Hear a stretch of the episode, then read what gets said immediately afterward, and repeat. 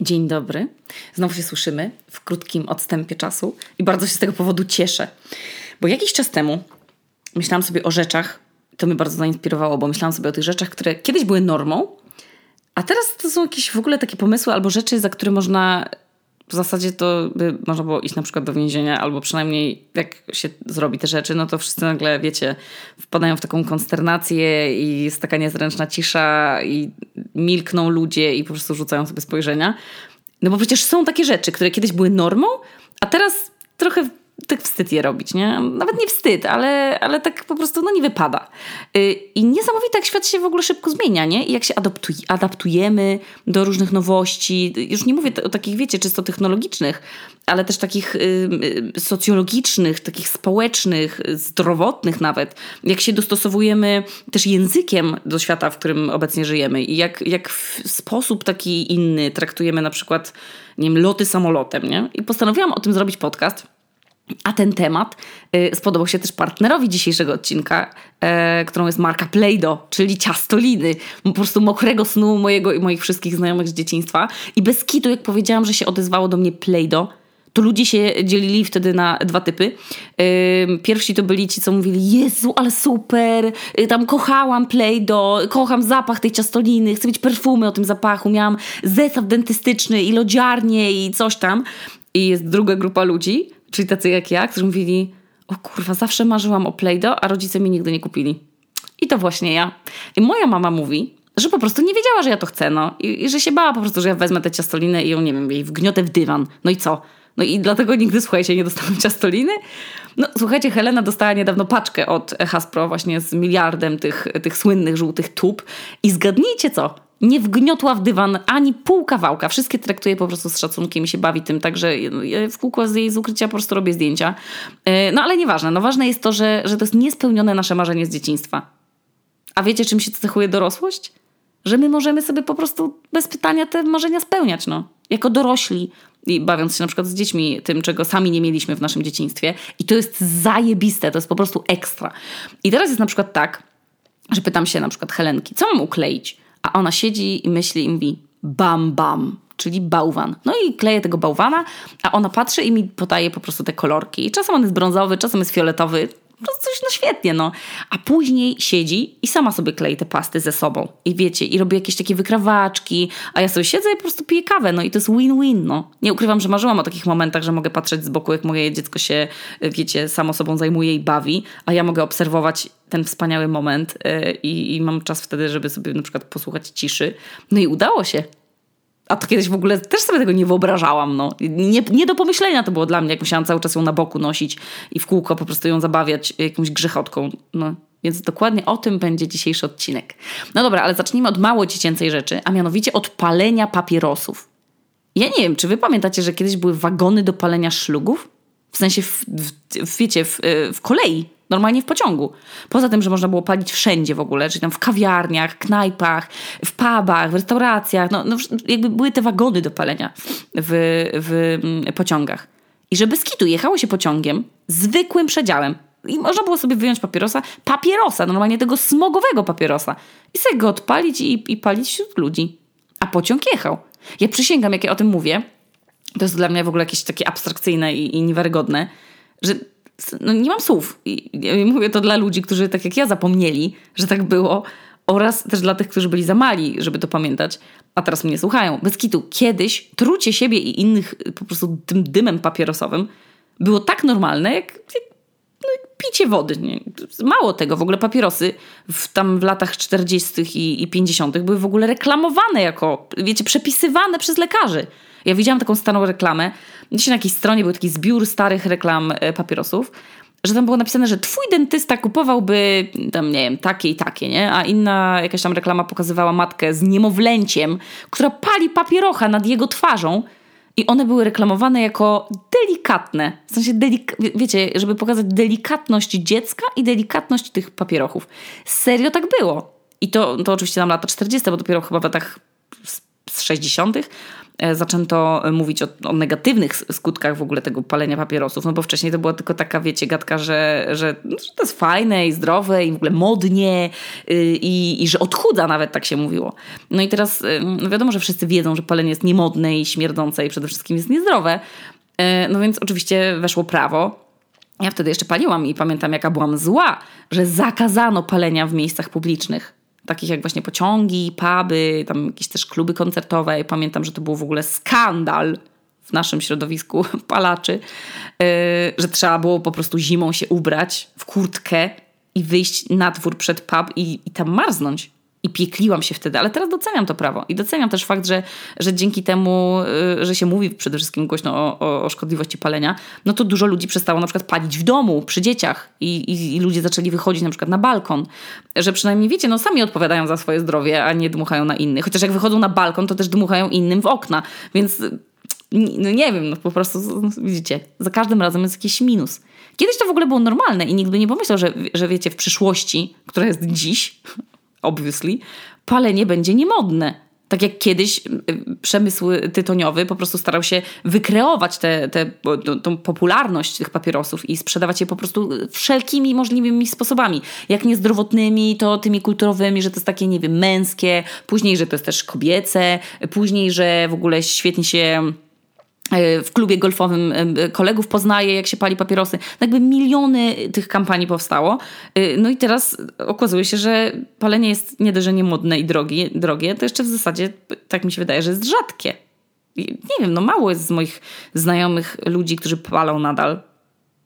I to jest takie, wiecie, że nie no nie wiem, jak ja byłam powiedzmy, no jakoś w liceum, czy, czy na początku studiów, to wtedy mnóstwo ludzi paliło. A teraz w ogóle widzę bardzo mało ludzi, e, e, którzy palą papierosy. Na Islandii to już w ogóle głównie to widzę, jeżeli już ktoś pali, to wejpa. Ale co ciekawe, bardziej się pali w ogóle w krajach gorących. W Hiszpanii na przykład mi się wydaje, że wydaje mi się, że tam jest mniejszy procent ludzi wolnych od tytoniu e, niż ludzi, którzy go używają. No ale wiecie, no, czasy się po prostu zmieniają. Natomiast jakbyśmy się przenieśli na przykład do tych lat 50., kiedy też lugi królowały, czy nawet może trochę później, to nie do pomyślenia by było, że ludzie mogą się poznawać przez internet. Może wiecie, no inaczej powiem, że, że nie trzeba będzie kogoś spotkać w, w bibliotece albo w pracy. W ogóle nie trzeba będzie się kogoś, z kimś spotkać, wiecie, że, żeby go widzieć i zamienić z nim kilka słów, żeby móc się z nim zapoznać.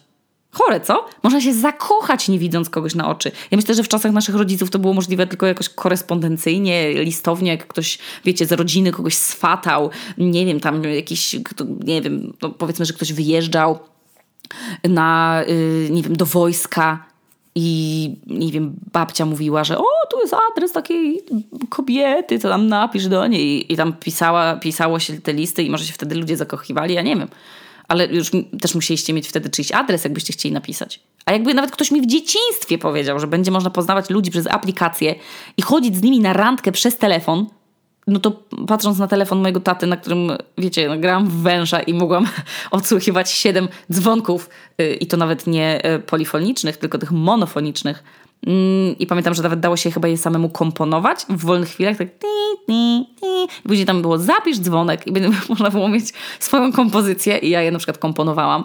No to patrząc na zaawansowanie technologiczne tego, yy, tego telefonu, to, to martwiłabym się, że jednak, wiecie, nie czekają nas wcale takie czasy. A nie uwierzyłabym po prostu, że to się może wydarzyć. W ogóle jak się też randkowanie zmieniło. Kiedyś w ogóle nie do pomyślenia było, że można umawiać się z kimś kilka lat bez ślubu Wydaje mi się, że ten model, wiecie, taki randki, oświadczyny, ślub i dzieci, no to była kiedyś absolutna norma i to tempo było no, szybkie. Mój dziadek od strony mm, taty, czyli dziadek Antoni, bardzo szybko się zakochał w babci i ręce i ona chyba pracowała w kopalni jako taka sekretarka, a on tam był górnikiem i się zapytał jej, ojej, no pani Ireno, czy pani by chciała być moją żoną? Pani jest taka piękna. I ta moja babcia tam wtedy powiedziała, chyba pan oszalał. Ja pana w ogóle nie znam. Przyjdzie pan za dwa lata. I słuchajcie, Przyszedł i się wtedy zgodziła. I od razu ślub, dzieci i tak dalej. I oni do śmierci byli ze sobą. A teraz my jesteśmy z Amadeuszem w narzeczeństwie chyba z jakieś cztery lata już, albo no cztery. I ja nie mam jego nazwiska, ani on nie ma mojego. Helena ma Amadeusza, tam wszystko jedno.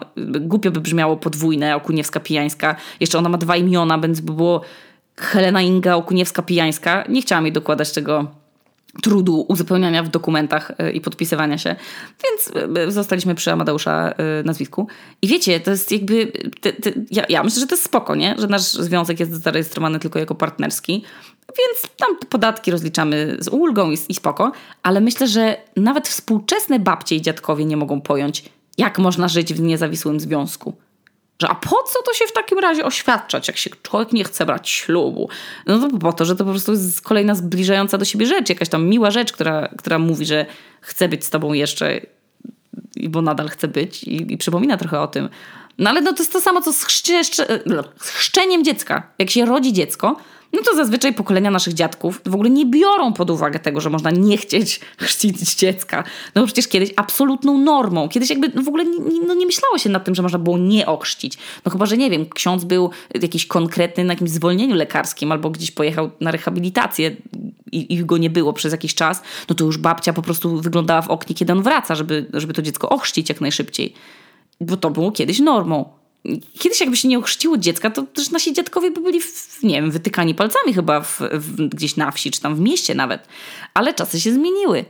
I teraz w niektórych środowiskach chrzczenie dziecka jest taką, wiecie, osobliwą decyzją, że tak hmm, zmusza to do myślenia, że, że po co ktoś chce to robić, skoro wiemy, że na przykład ta osoba nie ma z kościołem zupełnie nic wspólnego, no ale ulega właśnie tej chyba presji rodziny, że, że trzeba tak zrobić i że to przecież taka tradycja jest i, i, i że tak co ludzie pomyślą. No i chyba, że ze chrzcinami też jest trochę tak, że ludzie jak się im urodzi dziecko, no to chcą tak rodzinnie to dziecko, wiecie, obświętować, nie? Tortem, urządzić imprezę jakąś i zaprosić tych wszystkich, tę całą rodzinę, tych, tych dalekich wujków i ciocie, żeby wszyscy po prostu naraz przyjechali i zobaczyli, pogratulowali temu dziecku. Wiecie, że, że jednak no dziecko w rodzinie wymaga imprezy, nie? No jak tak te chrzciny zawsze kiedyś były tymi rodzinnymi spotkaniami, no to tak zostało do teraz. No ale tak jak mówię, no czasy się zmieniają i teraz chrzci się dzieci coraz rzadziej, no. Bo jak ktoś chce przecież imprezę, to dlaczego może jej nie zrobić, tylko po prostu bez księdza? Na Islandii jest takie, taka tradycja, że jak się rodzi dziecko, to się nie ujawnia jego imienia od razu. Że teraz na przykład jak nasza sąsiadka jest w ciąży i się jej pytam, o, a macie pomysł na imię? I on mówi, tak. Ale nie mówi mi, jakie to jest imię, bo urodziny dziecka są momentem dopiero, kiedy dziecko się tak naprawdę rodzi bez imienia. W zasadzie jest tylko, jest na przykład napisane Stulka Okuniewska, czyli tam córka Okuniewskiej. I, yy, i, jak się wtedy to y, już zadecyduje, po tych kilku tygodniach, a nawet niektórzy po kilku miesiącach, to zanim zarejestruje się dziecko, no to się tam urządza pewnie jakiś melanż właśnie taki rodzinny. E, znaczy mówię, że pewnie, y, że przed zarejestrowaniem tego dziecka w urzędzie. No i wszyscy przychodzą do domu, znajomi i tam rodzina i się po prostu i, i, się dostaje wtedy pierwszy hajs w życiu z okazji tego, tego eventu. Nie dostaje się złotych łańcuszków raczej, tylko dostaje się po prostu hajsiwo. I później w przyszłości można sobie z tego hajsu korzystać. Trochę jak na komunię, co nie? No to tak jest teraz na tę ceremonię nadania imienia. Uważam, że to jest bardzo piękna tradycja w ogóle, nie zdradzanie tego imienia, nie? I, i takie czekanie z tym trochę, e, żeby zobaczyć, czy to w ogóle imię pasuje do dziecka. Także to taka, y, no taki additional, chciałam dodać dodatkowy fakt y, ciekawy związany z, tym, z tymi, że nie, naprawdę nie trzeba chrzcić dziecka, jak ktoś po prostu nie chce. Ale wiecie, co jeszcze kiedyś było normą, a teraz to można za to na przykład trafić do kryminału? Uwaga! Pamiętacie, jak byliśmy w szkole i rodzice nam dawali klucze, żebyśmy sami wrócili po lekcjach? Ja chyba wtedy byłam w jakiejś... Mm, czwartej, w czwartej klasie chyba, jak mogłam sama wracać. I to było takie wydarzenie, jak, jak osiemnastka prawie. Wszyscy się chwalili, kto już wraca sam, a kto w świetlicy musi jeszcze czekać szkolnej. I, i ja miałam dość prostą drogę. Ja myślę, że mieszkałam jakieś 300 metrów y, w linii prostej, no ale trzeba było przejść przez taką dość ruchliwą Jagiellońską. I jak tak teraz patrzę na tę na te Jagiellońską, to jest bardzo ruchliwa ulica. Ja nie wiem, jak moi rodzice mogli nie umierać ze strachu, że coś mi się nie stanie podczas tego przechodzenia. I jeszcze oni byli wtedy na przykład w pracy, więc jak ja szłam, to oni by nawet się nie dowiedzieli, bo nie było telefonów komórkowych, żeby wiecie, śledzić, czy ja dotarłam. Czy, wiecie, nawet w zasadzie to ja nawet nie miałam przy sobie żadnych takiej bransoletki z ich numerem, czy coś, żeby, nie wiem, nawet jak mnie samochód potrącić, to żeby wiadomo było do kogo dzwonić. Ja po prostu sobie chodziłam samopas. Przysięgam, to jest coś, co mi się obecnie, myślę, że nie mieści w głowie, jak moi rodzice mogli mnie tak sobie puszczać po prostu luzem, że ja sobie chodziłam po innych osiedlach niż nasze, biegaliśmy, tam się odwiedzaliśmy bez przerwy, chodziło się do siebie na obiady, do domów. Moi rodzice nie mieli, tak jak teraz się ma, wiecie, tych aplikacji śledzących. E, nasza, na przykład nasza niania e, Lilia ma taką apkę, na którą się zgodziła z rodzicami, że będzie miała nowego iPhone'a, ale jeśli się zgodzi na tracking. No i rodzice po prostu wiedzą, gdzie ona jest. Albo gdzie się znajduje jej po prostu telefon. Czy u nas, czy w domu, czy jedzie rowerem. E, no bo no też no teraz nam się nie mieści w głowie, że dzieci mogłyby tego nie mieć. Przecież ona już ma 14 lat, więc jest duża. A siedmiolatka? Albo nawet, no dobra, siedmiolatka nie, no ale dziesięciolatka. Ja nie wiem, jak to było możliwe. Dzisiaj jest w ogóle takie prawo, że nawet windą nie można jeździć do, do dziewiątego roku życia bez rodziców. Windą! Serio. Dziś są regulacje na wszystko i wszystko ma po prostu z tysiąc regulaminów. A kiedyś to się sam, samemu chodziło po prostu wszędzie i, i nie wiem, z czego to wynikało. Czy kiedyś było bezpieczniej? Nie wiem.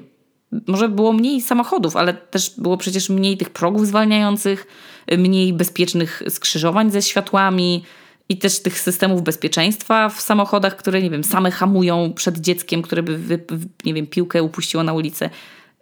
Jakoś mam wrażenie, że chyba samochodów z systemami bezpieczeństwa nie było wcale. E, no i to brzmi jakoś kuriozalnie, że kiedyś dzieci nawet mogły odbierać swoje rodzeństwo z przedszkola i im wydawano te dzieci. To brzmi jakoś, jak, nie wiem, to brzmi tak odlegle, jakby to były jakieś czasy, nie wiem, wiecie, z, z, tej, z tej powieści takiej y, y, Germinal Emilia Zo, Emile Zola. Ja myślałam, że wiecie, to tak jak z czasów, kiedy orało się pola z dziećmi, nie? I chodziło się do pracy w fabrykach. Nie wiem, w jakim to było wieku. No tak czy siak, to teraz mi się to nie mieści w głowach, a to były lata no 2004? Koszmarne jakieś. No ale pytanie, czy dzieci powinny wracać same do domu? A jeśli nie, to czemu nie? A jeśli tak, to czemu tak? Jakby kiedy się wie, że dziecko już może chodzić samo? Kiedy wy wypuszczacie swoje dzieci pierwszy raz, żeby sobie chodziły same ze, ze szkoły? Albo na przykład po, po szkole do koleżanki, żeby mogły iść? Zapraszam do dyskusji. Co ciekawe, kolejna rzecz, jako, jaka dziś jest normalna, a, a kiedyś by wywołała mega dyskusję, to jest to, że można często zmieniać pracę albo się przebranżawiać. Mój tata chyba z 30 lat ponad w tym, w tym samym miejscu pracuje. Moja mama też. Co prawda, chyba obowiązki mojego taty się trochę zmieniły, co oznacza, że się musiał też nauczyć pewnie nowego zakresu obowiązków, działań. No, ale moja mama od tych 30 lat jest nauczycielką i ma nawet tę samą pracownię w szkole. Wszyscy moi dziadkowie i babcie też pracowali całe życie w tych samych miejscach. A ja mając 29 lat, pracowałam już w dziewięciu miejscach. A jeżeli jeszcze byśmy liczyli Nuance Radio jako zatrudnienie w miejscu pracy, no to z dziesięć by wyszło. Miałam dziesięć prac w ciągu dziesięciu lat. I dopiero to teraz jakby jestem w zawodzie, który lubię. Więc nie wiem, jakby moi rodzice i dziadkowie mieli tylko jedną pracę, to jak ktoś kiedyś zmieniał często pracę albo branżę, to się go przecież uznawało za takiego niestabilnego pracownika. A teraz w sumie podejście do pracy się w ogóle zmieniło i ile ludzi w ogóle pracuje zdalnie i, i się zatrudnia osoby pracujące w innych krajach nawet, mówiące w innych językach, będące tysiące kilometrów w ogóle od nas. Można pracować nawet dla kilku firm naraz. Można dla nikogo nie pracować, tylko dla siebie. Kiedyś to by w ogóle nie było możliwe, ale w ogóle zobaczcie, wystarczył no jeden wirus, żeby postawić słowo praca w ogóle w zupełnie innym położeniu, że wiele miejsc pracy się musiało dostosować do nowych warunków. Mamy na przykład telemedycynę. What the fuck w ogóle? Wyobrażacie sobie, że macie 7 lat i wam mama mówi chodź, mamy dzwonkę z lekarzem, bo was boli, boli gardło. Albo lepiej, chodź, mamy WF na Zoomie. To jest jakieś abstrakcyjne w ogóle. Teraz można robić operację na odległość. W ogóle nie do pomyślenia to jest, no. Jak byłam dzieckiem, to nawet znieczulenia u dentysty nie były normą. Serio. A teraz się dzieciom daje taki chyba gaz, co je uspokaja i, i je znieczula. Przysięgam, nie doceniamy czasów, w jakich my żyjemy. A pomyślcie na przykład o latach 90., bo nie mówię nawet o wcześniejszych. I taki temat, który jest dziś absolutną normą, jak oddychanie, czyli niejedzenie mięsa. Przecież to jest jakaś egzotyka, Jezu. Już nawet patrząc po języku. Przecież po polsku wegetarianin sugeruje, że jak się nie je mięsa, to się wegetuje. I ja pamiętam, jak na początku lat no, 2001 może powiedzmy, wraz z, z siostrą przestałyśmy jeść mięso. No i oczywiście babcia i rodzice kwitowali to y, jednym słowem i to y, też było słowo na W, ale nie był to wegetarianizm, tylko to było po prostu wydziwianie. No i wtedy było na rynku tylko takie kartonowe, takie kartonowe kotlety sojowe, które trzeba było namaczać, a później smażyć i one były obrzydliwe. Nic innego wtedy nie było. W ogóle mleka roślinnego to jakiś, jakiś oksymoron to w ogóle był, niesłychany do dziś zresztą dla niektórych przecież jest, ale podejście do wegetarianizmu i weganizmu się zmieniło. I na przykład ja uważam, że pokazywanie teraz publicznie, że się je mięso, jest obciachowe. Wiecie, że to, ja nie wiem, to jest trochę jak chwalenie się bogactwem, albo nie wiem co jeszcze, robienie konkursów, kto wypije więcej alkoholu i się nie pożyga. To jest dla mnie nie do pomyślenia, że się pójdzie do knajpy i tam nie będzie chociaż jednej pozycji oznaczonej listkiem. Nie? A przecież powstają całe osobne sklepy i knajpy i kawiarnie dla wegan i wegetarian i one nie upadają. Tak jak kiedyś mówiły nam starsze pokolenia, y, no to już nie jest wydziwianie, tylko faktycznie coś, co, co w ogóle determinuje rynek. Że zwróćcie uwagę, że nawet firmy, które, które powstały jako firmy produkujące no, zwykłe jogurty y, pochodzące z, z mleka, no to robią też wersje bezmleczne firmy, które robią kabanosy mięsne, robią kabanosy wegańskie. Co znaczy, że ta zmiana jest potężna i powstał nowy rynek, jakby nowi kupujący, dla których warto jest uruchomić linię produkcyjną, bo to jest realny zysk. I y, przede wszystkim zostało udowodnione, że życie bez mięsa jest nie tylko możliwe, ale jeszcze jest popularne. Y, no myślę, że nie jeden dziadek się teraz chwyta za serce i mówi, że żeby umarłby, jakby zjadł obiad bez mięsa. A jednak, coś co kiedyś, całkiem w zasadzie no niedawno, wydawało się abstrakcją, no bo jeszcze myślę, że mniej niż 20 lat temu to było coś egzotycznego. No. I kiedy ja przyszłam na wegetarianizm, jak miałam, nie wiem, z 11 lat, no to wiecie, no to, to, to, to były czasy, kiedy ja nie wierzyłam, że kiedykolwiek będzie to normalne, takie bardzo powszechne, że po prostu ludzie nie będą jedli mięsa i nawet moi rodzice y, ograniczają mięso. Wiecie, to jest, to, to w ogóle daje mi chyba takie poczucie nadziei, że wiecie, że są teraz pewne rzeczy, o których marzymy albo o które się walczy. Yy, i one nadal są w tej sferze abstrakcji i nieistnienia tego czegoś, co jest na horyzoncie wręcz niemożliwe teraz do osiągnięcia. Mówię o takich rzeczach dotyczących, wiecie, praw mniejszości, zmian społecznych, yy, praw kobiet, no to wszystko, te, te zmiany, o których mówię, to mi daje nadzieję, że rzeczy się zmieniają i że prawa się zmieniają i że mniejszości w którymś momencie przechodzą z mniejszości do średniej albo do normy. I może my to w ogóle teraz znowu obserwujemy obecnie. W ogóle czasy się tak szybko zmieniają, że ja przecież pamiętam jeszcze tę panikę, to uczucie paniki jak narastającej, jak nam się e, skończył pakiet 600 SMS-ów za 6 zł.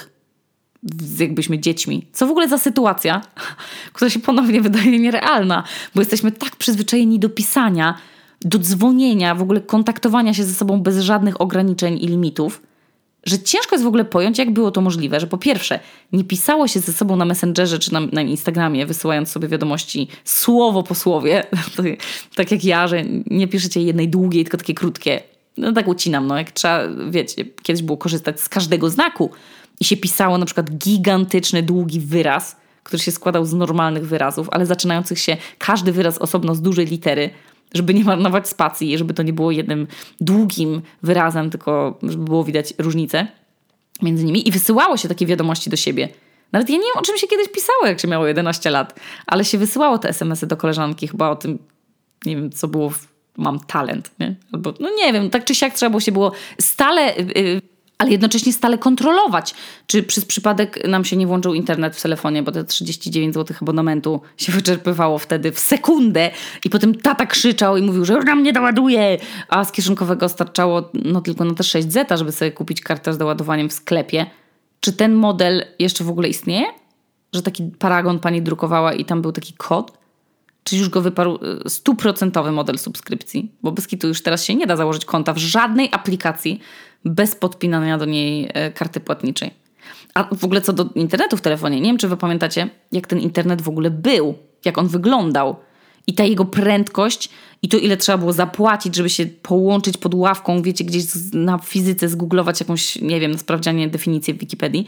Ja bym w życiu nie pomyślała, że będzie można mieć w telefonie nielimitowany internet, że będzie można się komunikować z taką płynnością i to nie tego dzwoniąc tylko po prostu nie przejmując się liczbą znaków w SMS-ie. Kto w ogóle dzisiaj jeszcze wysyła SMS-y? Ja, ja, też nie wiem, kto w dzisiejszych czasach jeszcze do siebie dzwoni zamiast pisać. Do mnie tylko Maciek musiał dzwoni i moja przyjaciółka Lena, bo oni lubią sobie pogadać zamiast pisać na klawiaturze, czego nie rozumiem. I teraz, jak nam się zawiesza Instagram albo wyszukiwarka wyszukuje coś dłużej niż z 5 sekund, to już jesteśmy poirytowani. Już, już w strój Amisza wchodzimy. A kiedyś to trzeba było mieć, wiecie, anielską cierpliwość. Nie wiadomo było, czy ktoś już odczytał SMS-a, czy nie. Bo nie pokazywało się wyświetlone, czy tam odczytane, więc no nie było jednocześnie tej spiny, że ktoś za długo na przykład zwlekał z odpowiedzią, albo odczytał, albo nigdy nie odpowiedział, co już jest w ogóle kuriozalne, że doszła nam kolejna rzecz, o którą można się pokłócić. Doszły też kolejne rzeczy, o które można się wściekać, jak na przykład kiedy się y, zgubi telefon, a wraz z nim absolutnie wszystkie hasła do banku, y, do, wiecie, te hasła do wszystkich aplikacji, no bo one teraz działają na dotyk palca. Albo tam, wiecie, na Face ID, na to skanowanie. Ja nie pamiętam ani jednego swojego hasła, bo ja mam je w takiej aplikacji, która szyfruje i chroni wszystkie z nich. I kiedyś zamarłam, jak ta apka nie zadziałała, w sensie ten, ten kod nie zadziałał. No koszmar, no stres straszny. No dobra, kolejna rzecz, która jeszcze kilka lat temu była nie do pomyślenia, a teraz jest taka, e, tam, czym się ekscytować. I kolejny dowód na to, że rzeczy po pierwszym szoku powszednieją i przechodzą do po prostu czegoś normalnego. Na przykład owłosienie na kobiecym ciele. I to, że kobieta już może nie ogolić pachy i sobie tak wyjść na plażę. No słuchajcie, moje pokolenie i młodsze już totalnie mają to w dupie. Totalny luz. Jeszcze wcześniej miałam tak, że myślałam, no dobra, no wszyscy wiemy, że można nie golić pachy, ale czy trzeba naprawdę o tym ciągle przypominać na Instagramie i świecić tą pachą? I tak już miałam, Jezus, ile jeszcze tych pach muszę obejrzeć? I scrollowałam, myślałam, Jezu, ta znowu kurwa z tą pachą. I słuchajcie, no trzeba było. Trzeba było te pachy obejrzeć, bo mnie to na maksa wkurzało na początku, a teraz mam już takie, no, nie ogląda pacha. W ogóle, wiecie, nie robi to na mnie wrażenia. W ogóle nie studzi mnie to ani nie grzeje nie, nie wyłapuje w ogóle jej w otoczeniu. A jeszcze kilka lat temu, no robiło to na mnie wrażenie, jak jakaś dziewczyna miała taką naturalną, niedotkniętą maszynką pachę. Ja myślę, że, że pokolenia naszych dzieci będą już tak miały kompletnie w dupie, jak ktoś wygląda. W ogóle zero absolutnie reakcji będą miały na wybory inne niż ich własne. E, no i dojdziemy wtedy do czasów, w których faktycznie każdy będzie mógł sobie w końcu wyglądać jak chce. I w ogóle nikt nie będzie nikomu z tego powodu dogryzał, ani wysyłał żadnych spojrzeń. W ogóle tak myślę sobie, że czasy, w których żyjemy, mówię tutaj o swoim pokoleniu i o młodszym, i, i, i no ale ogólnie o tym słynnym pokoleniu milenialsów, roszczeniowych, mm, no to są w ogóle jakieś, nie wiem, to, są, to jest jakieś, wiecie, rozszczepienie, bo z jednej strony pamiętamy jeszcze te swoje dzieciństwo sprzed tej ery cyfrowej i z czasów, kiedy naturalnym była taka swoboda na podwórku i to nie bycie wiecznie śledzonym w internecie. Y, szpanowało się w liceum koncertami, na które się chodziło chyba i butami, Air Maxami, których nigdy nie miałam, a teraz te czasy są zupełnie inne. No w sensie nadal dzieciaki się flexują butami i koncertami, na które chodzą, ale jednocześnie próg bycia cool się zwiększył. Jest tyle nowych trendów, na które trzeba reagować, żeby przynależeć do grupy. Jest w ogóle tyle nowych zasad, że po prostu ciężko jest się w tym połapać. Jednocześnie pamiętamy czasy nałogowego y, palenia szlugów, a teraz obserwujemy odchodzenia od tego. No. Naszym rodzicom jest o wiele łatwiej, znaczy było y, o wiele łatwiej y, kupić mieszkanie. U nas, nas, nie wiem, może stać być nawet nie na mikrokawalerkę poza miastem czasami, więc teraz powstają samochody, które same parkują samochody, w których wozili nas rodzice za dzieciaka, nawet radia na płyty nie, mia, nie, nie, nie miały. My jeździliśmy przecież bez fotelików samochodowych. Jeździliśmy normalnie na kolanach u mamy, jak byliśmy dziećmi. A teraz dziecko, jeżeli nie jedzie w foteliku, to normalnie, wiecie, podjeżdża kabaryna i zabierają prawo jazdy. No. W sensie, no nie wiem, pewnie się dostaje gigantyczny mandat, ale, ale no to jest nie do pomyślenia, żeby przewozić dziecko teraz na kolanach. No nie rozumiem tego. Wiecie, nawet ten rozwój technologiczny, a, ale też te nieustanne zmiany, które obserwujemy, wydaje mi się, że powodują, że można po prostu się czuć no, bardzo przytłoczonym. Choćby na przykład y, ta sprawa konsumpcjonizmu. Jak ja byłam w gimnazjum, czy tam powiedzmy w liceum, to były modne szafiarki. Wiecie, hol zakupowy co dwa dni, w kółko nowe ubrania, jakieś nowe paletki do malowania się, gadżety urodowe, te buty, wiecie, te jakie, takie na takim wysokim, z takiej platformie wysokiej i z takim obcasem jak ko, kopyta konia wyglądały, takie Jeffrey Campbell chyba. No, no, no po prostu blogerki pokazywały cały czas nowe rzeczy, cały czas nowe rzeczy były modne. One dostawały nieustannie paczki PR-owe, w kółko pokazywały, zachęcały do kupowania posiadania nowych rzeczy, to był wręcz kult posiadania. No bo nagle pojawiły się zachodnie marki w Polsce, gdzie przecież nie było tego wcześniej. Nagle jak weszliśmy do Unii Europejskiej, to można było sobie pojechać do Londynu i kupić, e, wiecie, nakupować sobie w Boots, czy tam w jakiejś innej w Superdragu jakieś paletki cieni i później to pokazywać na YouTubie i, i się to oglądało. I można było przede wszystkim też później zamawiać rzeczy przez internet. No i dużo blogerek też się przeprowadzało do Anglii i wiecie, że no było takie wow, obserwować, co one tam kupują i noszą, i, i że jedzą, i piją kawę ze Starbucksa. I w ogóle nie wydawało mi się, żeby kiedykolwiek te czasy miały się też skończyć. Tego takiego przepychu w lifestyle'u, nie?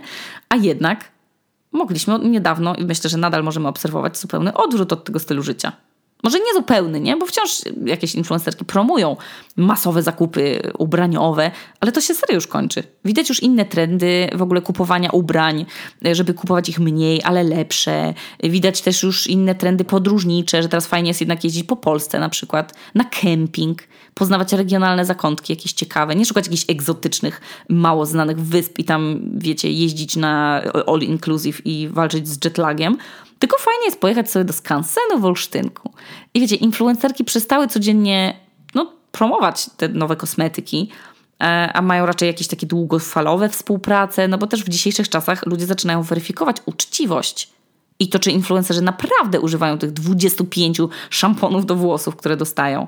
Mm, I w cenie jest po prostu promowanie coraz mniej ja wiele współprac odrzucam, bo uważam, że to jest po prostu, że wiecie, no, że można się nachapać i brać wszystko, ale jednak yy, traci się później wiarygodność, a wiarygodność w dzisiejszych czasach yy, w internecie jest czymś na wagę złota.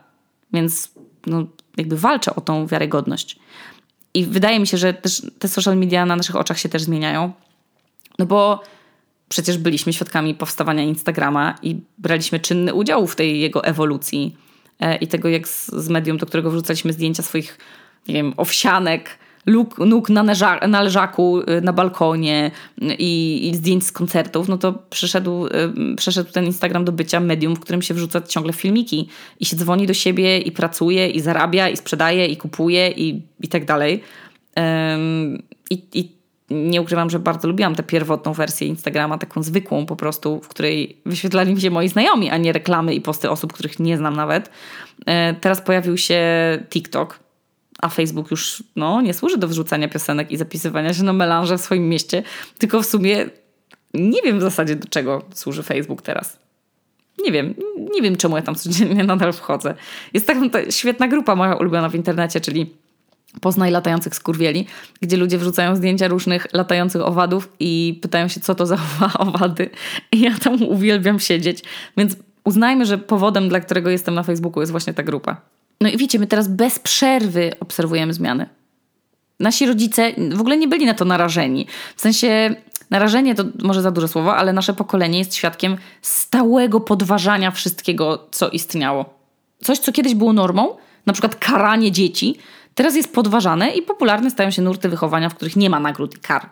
Kiedyś normą było robienie przez ym, firmy ubrań z plastiku, a teraz na prawie każdej metce widzimy zapis, że ileś tam procent wykonano z recyklingu, albo w ogóle, że nie wiem, wykorzystuje się jakieś certyfikowane uprawy czy coś tam. W ogóle kiedyś nie mówiło się o ekologii.